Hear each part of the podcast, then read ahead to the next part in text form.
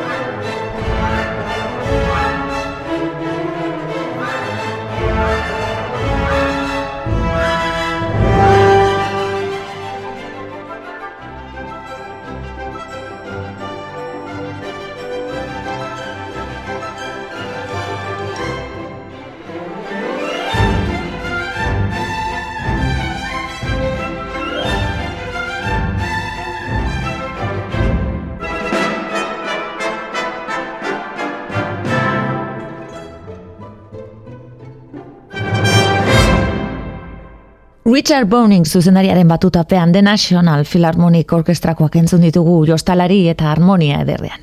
Benjamin Brittenek bizuit idatzi zituen zuage musikal eta matine musikal opus hogeita lau. Eta bietatik lehenaren tirolesa da entzun duguna. Hainbeste filmetako soinu bandak grabatu zituen orkesta Britainiar honen emanaldian. Klasikoak eiteben poesiaz beteriko jendelen aria oso ezagun bat entzungo dugu jarraian. Agian ezagunena, Lasha Kiopianga, utzi da zu negar egiten.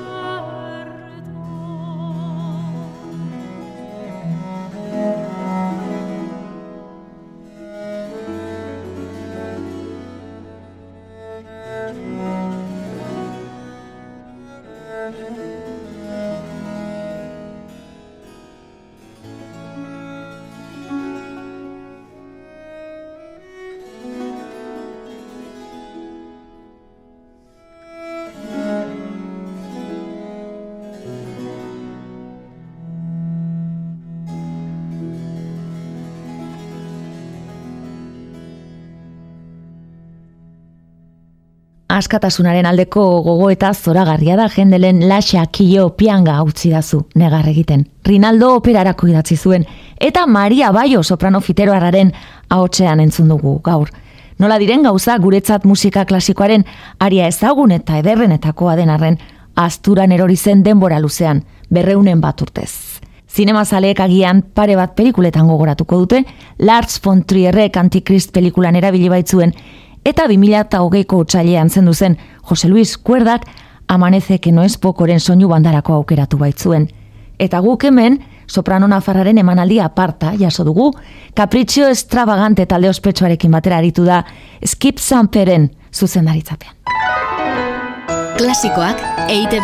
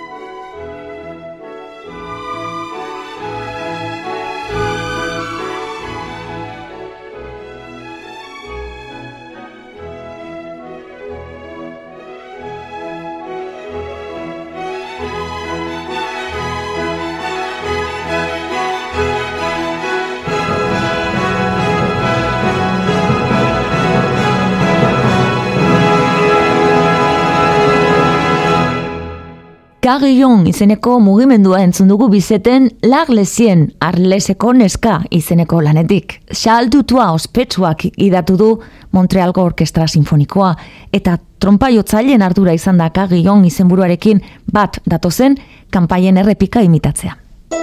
Klasikoak EITB-en.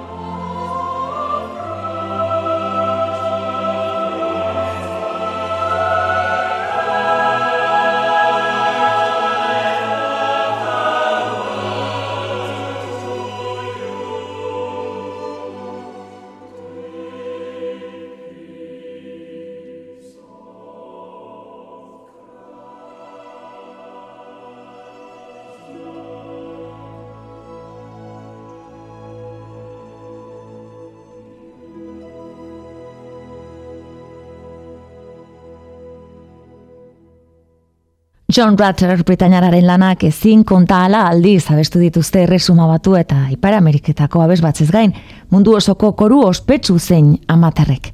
A Gaelic Blessings abesten, Rutter berak laurogeiko amarkadan sortu zuen The Cambridge Singersekoak izan ditugu. Artu eman berezia du betidanik bertako ikasle izan baitzen gaztetan. Klasikoak eiteben. Orain Beethoven, flauta eta pianorako duo bat bi kain arituko dira Emmanuel Pahut bere urrezko flautarekin eta egik lasas pianoan, ez galdu.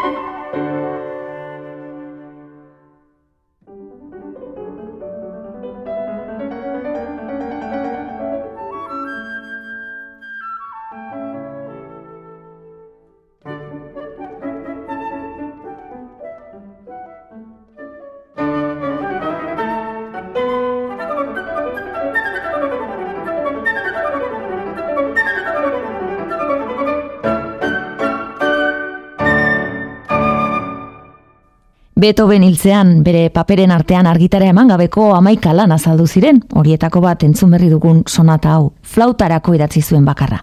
Emanuel Pajut flautista eta Eri Klasas pianistak eskeni digute. Eta ez da broma, Pajuden flauta urrezkoa da egitan. Klasikoak EITB-en.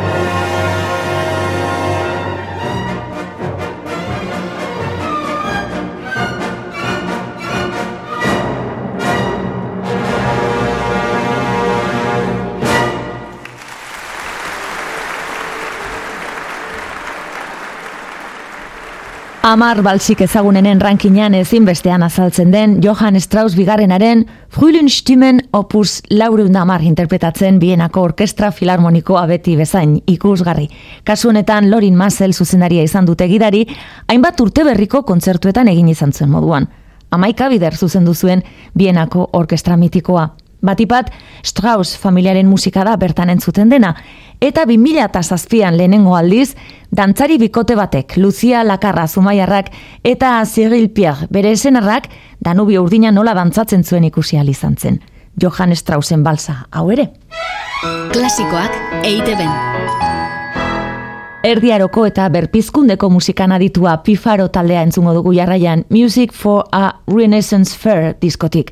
Amasei garren mendeko Filippo Azaiolo kompositorearen lanak interpretatuko dituzte.